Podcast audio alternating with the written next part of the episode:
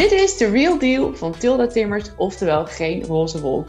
In deze podcast hoor je over de issues en anekdotes waar je als ouders tegenaan loopt als je één of meerdere kindjes hebt gekregen. En vanaf nu doe ik deze podcast samen met Eline Zwitser. Welkom bij The Real Deal.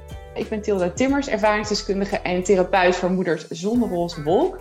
Na de geboorte van mijn oudste dochtertje Livia zat ik absoluut niet op een roze wolk. Ik zat in een postpartum depressie en eh, had echt het gevoel dat ik de enige moeder was die zich zo voelde. En hierdoor voelde ik me ook heel eenzaam en ik vroeg me steeds af, goh, hoe zou dat voor die andere moeders zijn?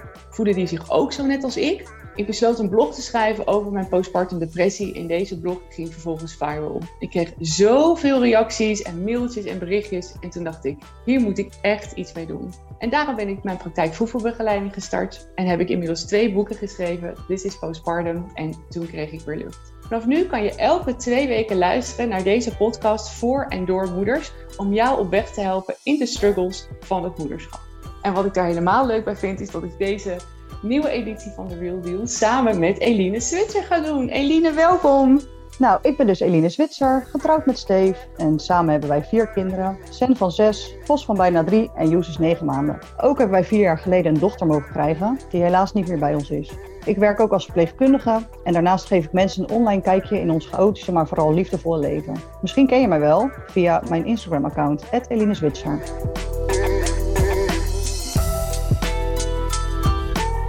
Ja, superleuk dat we dit nu samen gaan doen.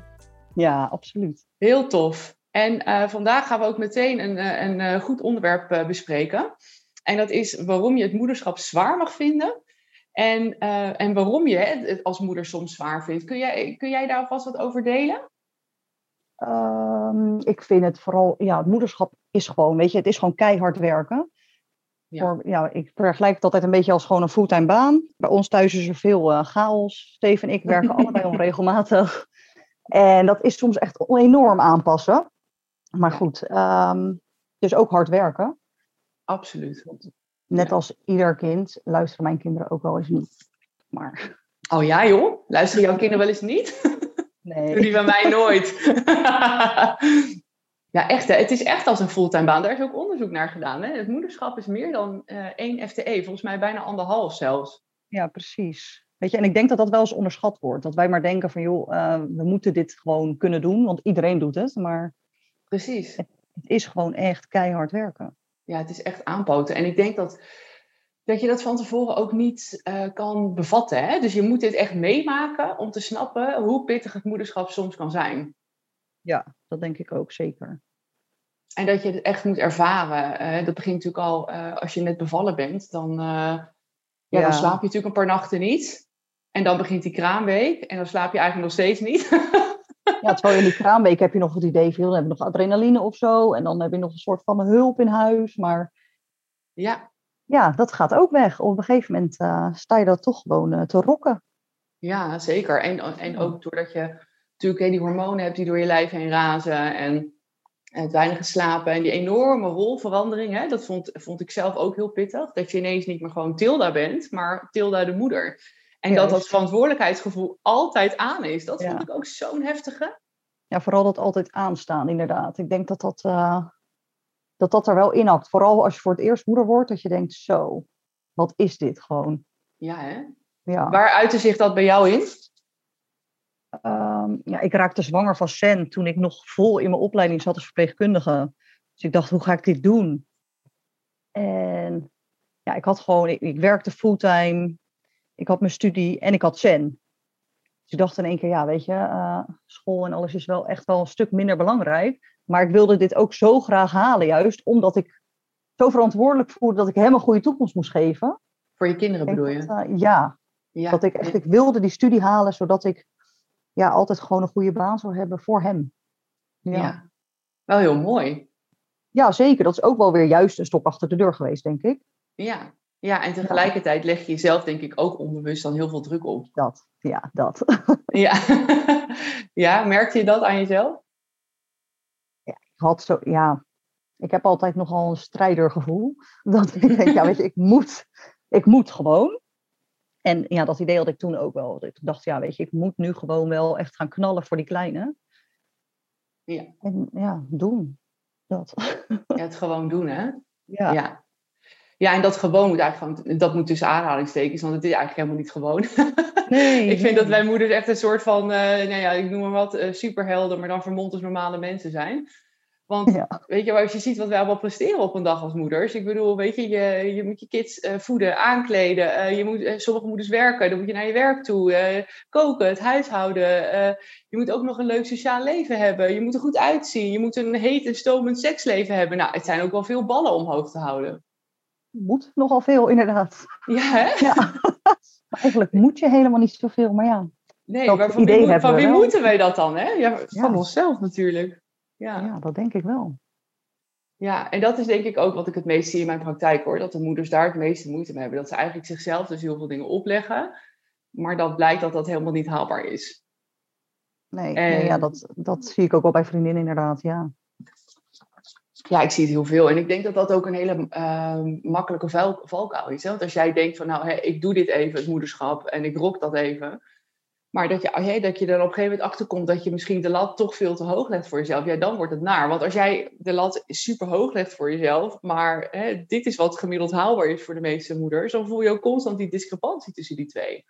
En Ja. krijg je weer zo'n gevoel van, eh, ik ben niet goed genoeg. Waarom vind ik het dan zo zwaar? Eh, ik doe het niet goed. Eh, nou ja, en niemand gaat natuurlijk goed op het gevoel van, ik ben niet goed genoeg.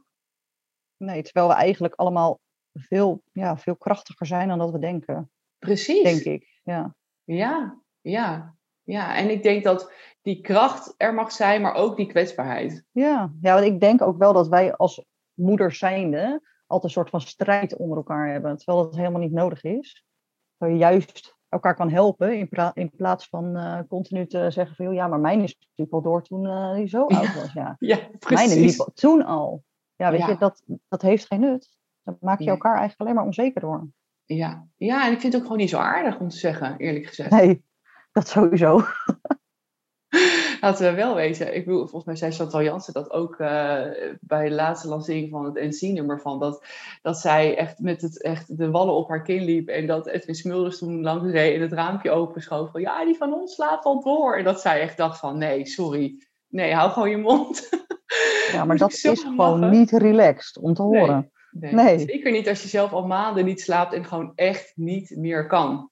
Nee. Nee. Nee, en ik denk dat andersom gebeurt het ook. Hè? Dat, je, dat je jezelf dus heel erg vergelijkt met andere moeders. Dat zie je en hoor ik heel veel eh, in mijn praktijk. Dat moeders zeggen, ja, maar als ik dan eh, door mijn Instagram feed scroll... dan zie ik alleen maar van die perfecte moeders... met eh, mooi gestelde outfits en altijd gelukzalig in het moederschap... En, en zelfvertrouwen en alles leuk. Maar ja, ik voel me helemaal niet zo. En bij mij kost het juist allemaal heel veel moeite. En ik denk dat als je op het moment dat je dat zaadje plant van vergelijken, ja, dat, dat is echt een broeinest voor al je onzekerheden, om maar zo te zeggen.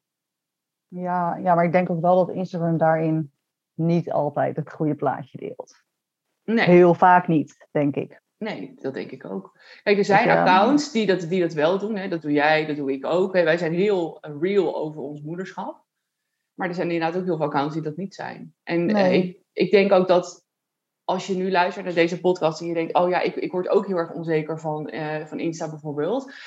Ehm, je kan ook bepaalde accounts gewoon ontvolgen hè, als het je onzeker maakt. Of ik noem maar wat, stel dat je ehm, heel graag wil afvallen, maar het lukt niet. En je, je volgt een bepaalde hashtag zoals hashtag fitmom of zo. Dat je dat gewoon ontvolgt. En dat je in de plaats daarvan juist eh, hashtags gaat volgen die wel eh, empowering zijn. Zoals bijvoorbeeld hashtag body positivity of eh, hashtag motherhood of hashtag keep it real. Weet je, dat, dat je dat soort dingen gaat volgen. En de accounts gaat volgen die wel eerlijk over het moederschap zijn. Ik denk dat dat wel heel erg helpend is. Ja, dat denk ik ook wel. Ik denk zeker dat je inderdaad moet kijken van, joh, waar word je gelukkig van en wat juist niet. Want op het moment Ja. dat jij iets opent en je wordt er niet gelukkig van, waarom volg je het inderdaad dan? Ja, ja precies. Ja. Het is bijna een soort zelfkastijding. Ja, ja. ja ook had voor het jezelf heel ook erg- leuk. aan het begin, toen ik net moeder was, werd ik daar ook heel onzeker van. Toen was Instagram natuurlijk nog niet zo booming als nu. Maar ik weet wel, dan zag ik weer zo'n Pinterest-waardig huis. En dan dacht ik, jezus man, bij mij is hier echt één grote bom ontploft in mijn huis. En dan ga je zelf toch vergelijken. En ik moest echt moeder worden en door die postpartum depressie heen komen om meer zelfvertrouwen te krijgen en weten van, hé, hey, maar ik ben gewoon goed zoals ik ben. Ik hoef mezelf niet te vergelijken met andere moeders. Nee. Hoe, Nee, ja, ik vond was jij dat? inderdaad. Ik zat nog helemaal niet op Instagram eigenlijk toen Sen geboren werd. Ehm, dat kwam eigenlijk pas na Skype. Maar ja, ik heb. Ik, ik weet niet of ik daar heel erg gevoelig voor ben geweest. Ik weet wel dat ik de allereerste was van mijn vriendinnengroep die zwanger werd. Dat ik heel, ja, best wel jong was. Ja. En ik weet wel dat ik daar best wel lastig heb gehad. Dat ik dacht van ja, weet je, maar wie kan ik nu dan om advies vragen? Want eigenlijk zit niemand in de situatie waar ik in zit. ja, Dus precies. hoe, ja, weet je, hoe ga ik dingen doen? En dan heb ik wel natuurlijk mijn moeder gehad die kon bellen of eh, zulke dingen. Maar goed, je wilde eigenlijk ook wel gewoon levelen met iemand van je eigen leeftijd. Absoluut. Ja. En dat, had, dat miste ik wel, zeg maar. Ja, dat snap ik. Dat je even lekker kan levelen met iemand of kan praten Ja. van, hé, hey, hoe doe jij dit? Ja, ja dat zeker. Ja, ik was ook een van de eerste hoor, in onze vriendengroep. En ehm, alhoewel ik het wel, ik had wel bij bijvoorbeeld bij mijn schoonzus en mijn zwager gezien hoe zwaar het was. Maar dan nog vond ik het echt wel echt schokkend met hoe, hoeveel je eigenlijk alleen maar bezig bent met je baby en hoe weinig je nog, nog aan jezelf toekomt. En Ja. dat stukje, dat wilde ik ook heel graag bespreken. Van joh, weet je, ik voel me af en toe echt heel, heel erg ontaard, maar ik moet tijd voor mezelf. Hoe doe jij dat? Ik kon dat eigenlijk ook bij bijna niemand bespreken. Nee, ja, ik, ehm, ik was echt wel jong, hè, toen ik zwanger werd. Ja, dat mij. moet je misschien wel even Dus- vertellen. Dat is wel leuk voor de luisteraars. Hoe oud was jij toen je moeder werd? 21. Oh ja. Toen, eh, ja, toen eh, kreeg ik SEN. Zat ik dus in het tweede jaar van eh, mijn opleiding verpleegkunde. En ja, ik was gewoon eigenlijk de eerste, de eerste van mijn eigen gezin. Van mijn broer. Ik heb een oudere broer en een oudere zus. Dus ik was de eerste thuis. En de eerste van mijn vriendinnengroep. Dus ja, weet je, dat, eh, ik, heb, ik heb dat wel een beetje gemist hoor, moet ik zeggen. En Sen was echt, nou, de meest zoete baby ooit, denk ik. Ah. Ik nam hem overal mee naartoe. Hij sliep overal. Dus daar heb ik echt ontzettend geluk mee gehad. Want bij Vos was dat wel een ander verhaal. Maar Ja, precies.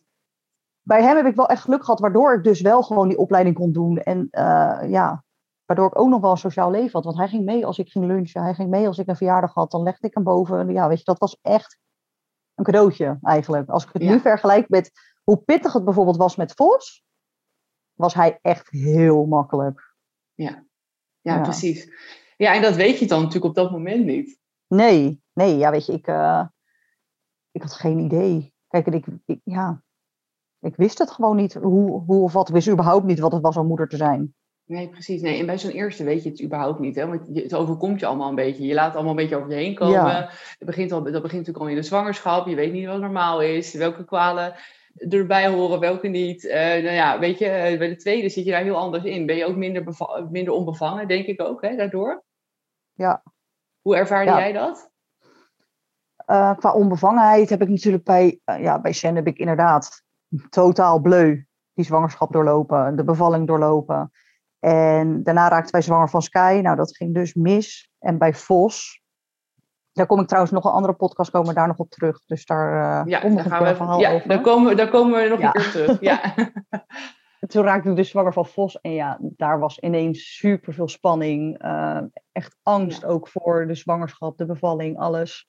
Ja. Dat was totaal anders. Echt gewoon twee werelden van verschil. ja, precies. Echt verschil van dag en nacht dus. Ja, absoluut. En heb je het idee dat dat ook komt door eh, dat jullie Sky zijn verloren?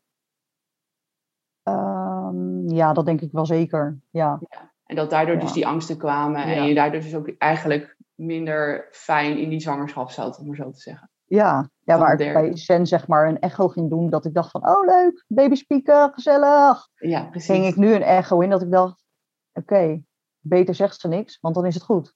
Ja, Zeg maar, ja. ja, ja. Ja, ja dat precies. was gewoon een hele andere lading. Ik kan me zo goed voorstellen.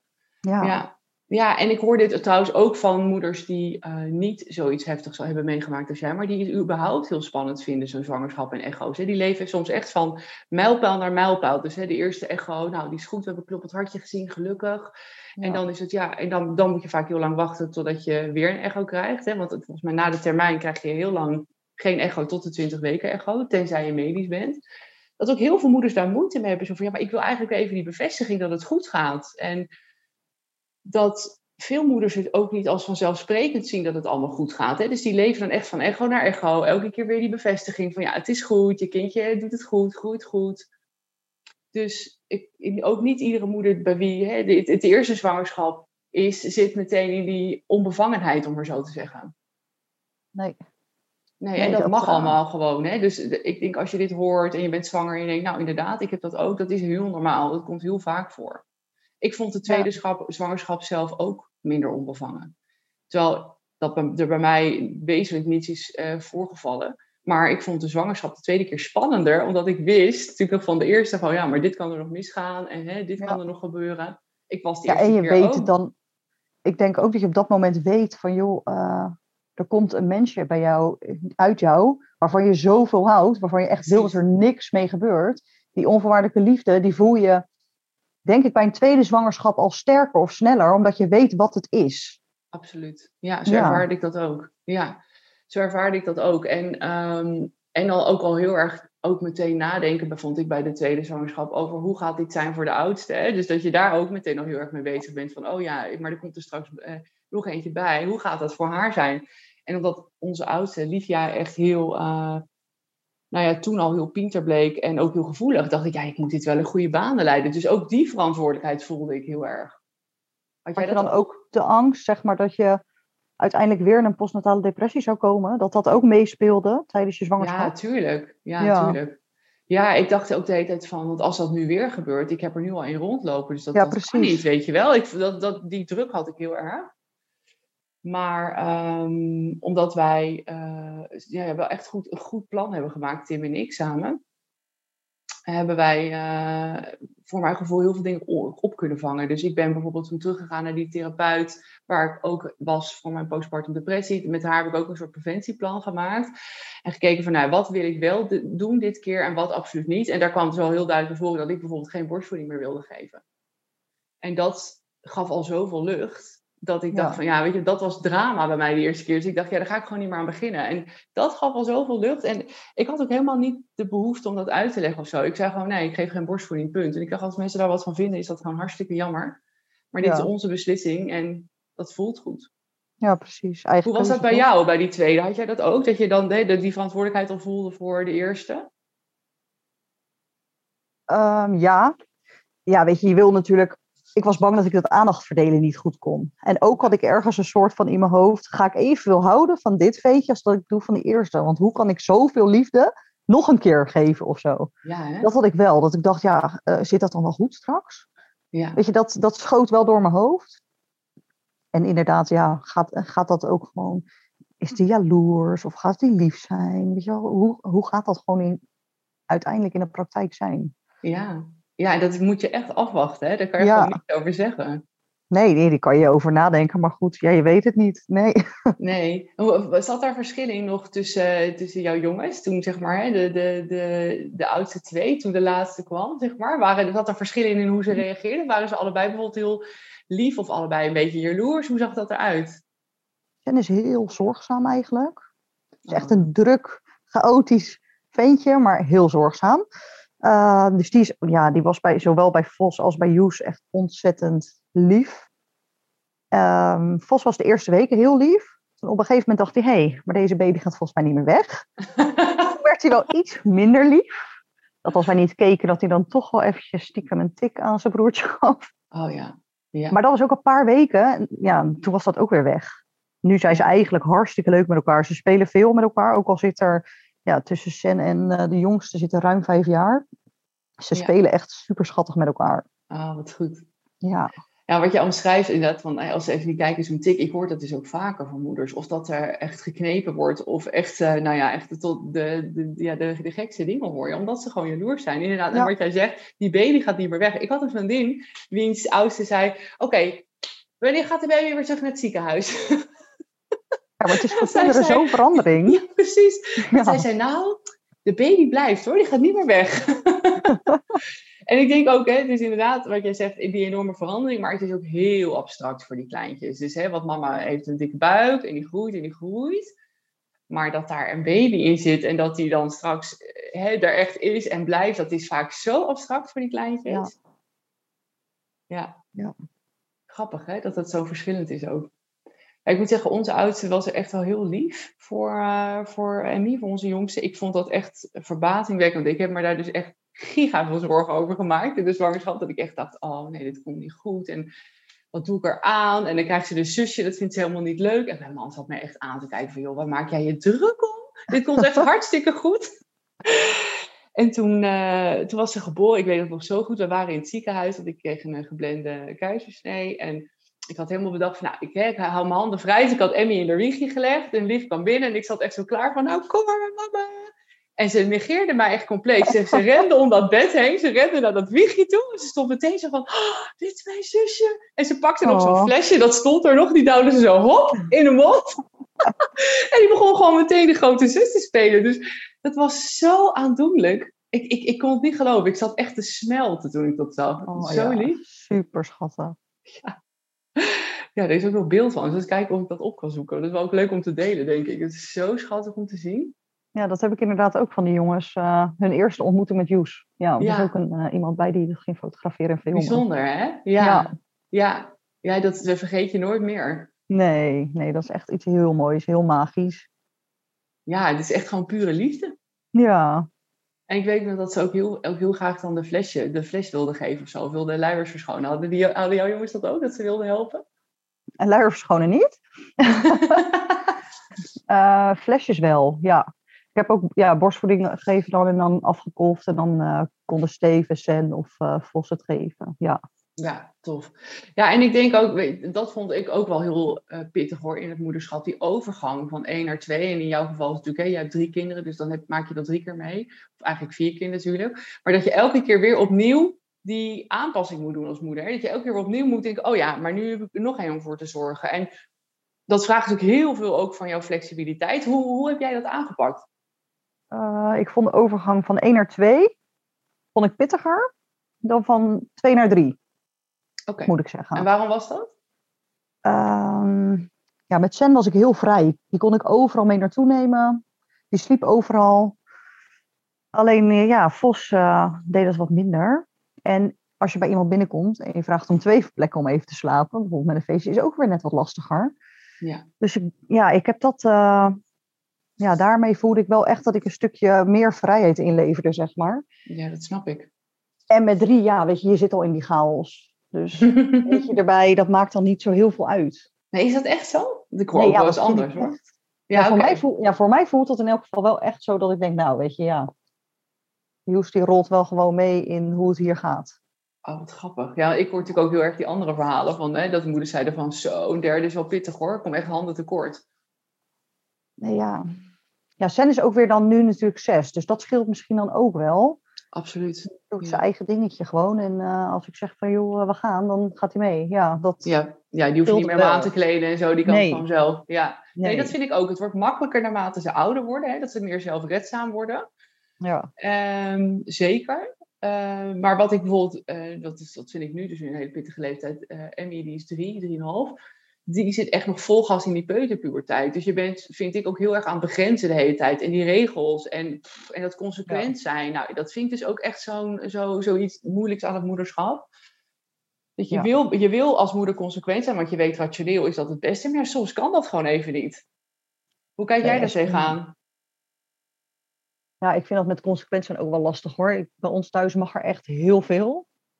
Ja, hier ook. Er zijn wel gewoon regels. Ja, Ja.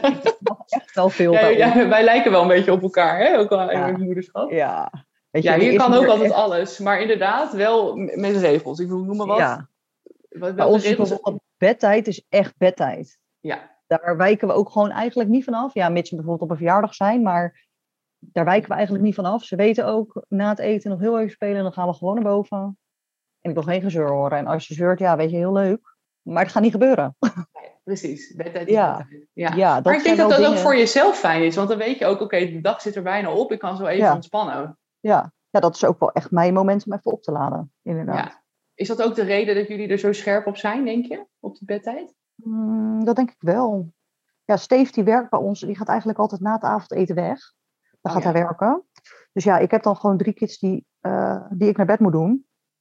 Dus ze moeten ook gewoon wel echt naar me luisteren dan. Ja, precies. Ja. ja. Ja. En als ik dan met de een bezig ben tot, eh, tot acht uur bijvoorbeeld, en dan moet de volgende nog tot negen uur. Ja, dan moet er nog één. Tien uur, nee, dan wil ik zelf. ja. Snap Echt, je? hè? Ja, dat dus- heel goed. Dat gaat wel gewoon echt als een soort eh, ja, sneltreinvaart. eh, naar bed verhaaltje. En door. Ja. En mijn tijd. Precies.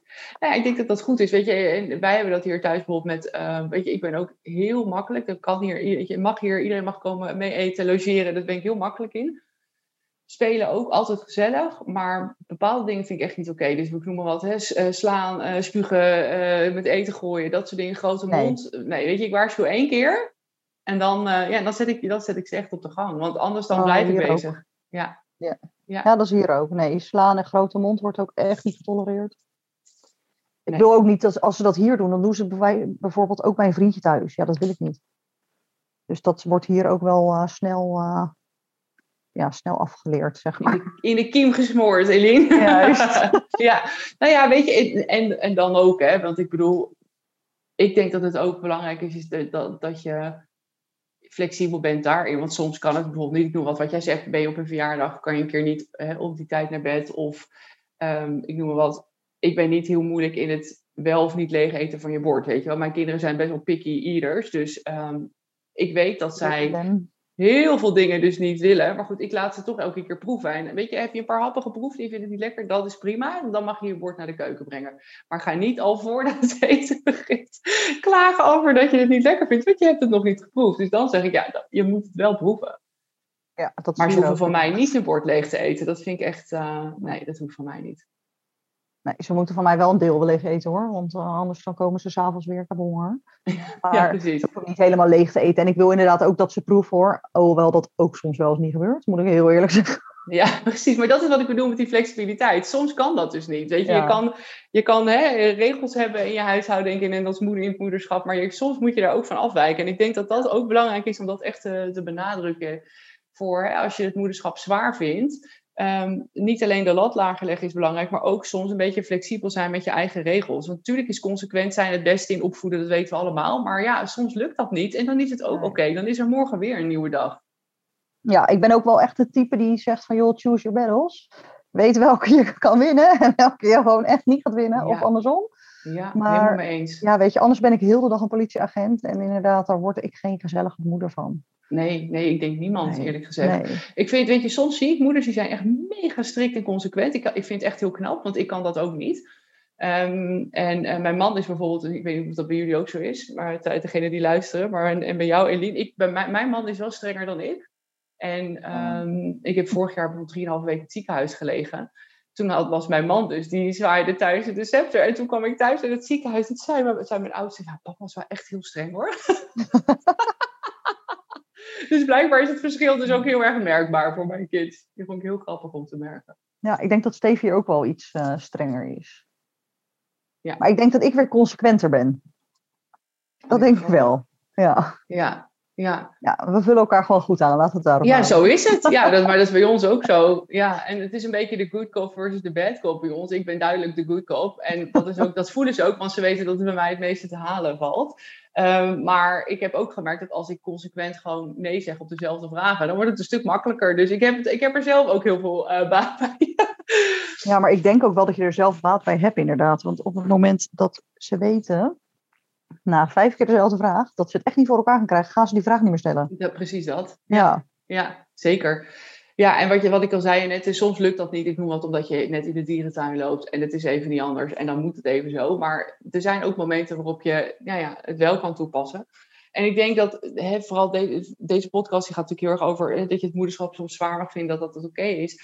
Ik denk dat dat ook heel belangrijk is. En dat we benadrukken dat het moederschap waarschijnlijk elke dag wel een keer zwaar is. En, maar ook elke dag wel een keer leuk is. En dat dat dus het in balans houdt, om maar zo te zeggen.